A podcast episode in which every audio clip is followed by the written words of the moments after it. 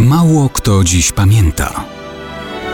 Datownik historyczny prezentuje Maciej Korkuć.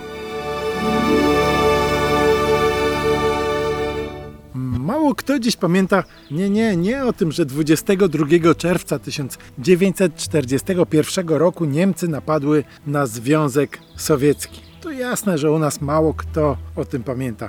Natomiast w Rosji wszystkim to będzie przypominane jak to zdradziecki Hitler napadł na miłujący pokój Związek Sowiecki. Inna sprawa, że sam wątek zdrady Hitlera przypomina siłą rzeczy o przyjaźni Moskwy i Berlina zakotwiczonej w pakcie Ribbentrop-Mołotow. Stalin zaraz po tym, jak ochłonął z wrażenia, jakie zrobiła na nim niemiecka agresja, tłumaczył w przemówieniu radiowym.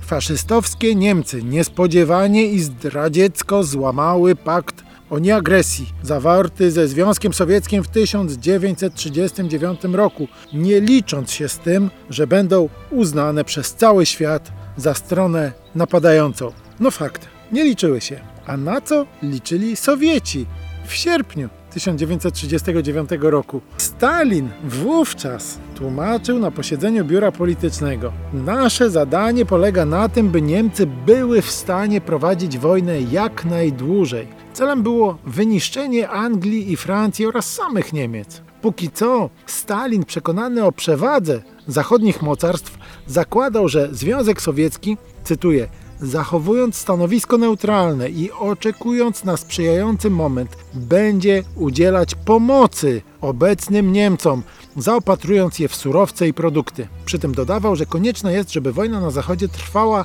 jak najdłużej. Cytuję: po to, by obie strony się nawzajem wyniszczyły. Koniec cytatu. A wtedy nadejdą perspektywy szerzenia komunistycznej rewolucji światowej. Sowieci Niemcom pomagali i w 1939 roku, atakując Polskę od wschodu i w 1940 roku wysyłając do Niemiec pociągi z ropą i wszystkimi surowcami potrzebnymi im do prowadzenia wojny.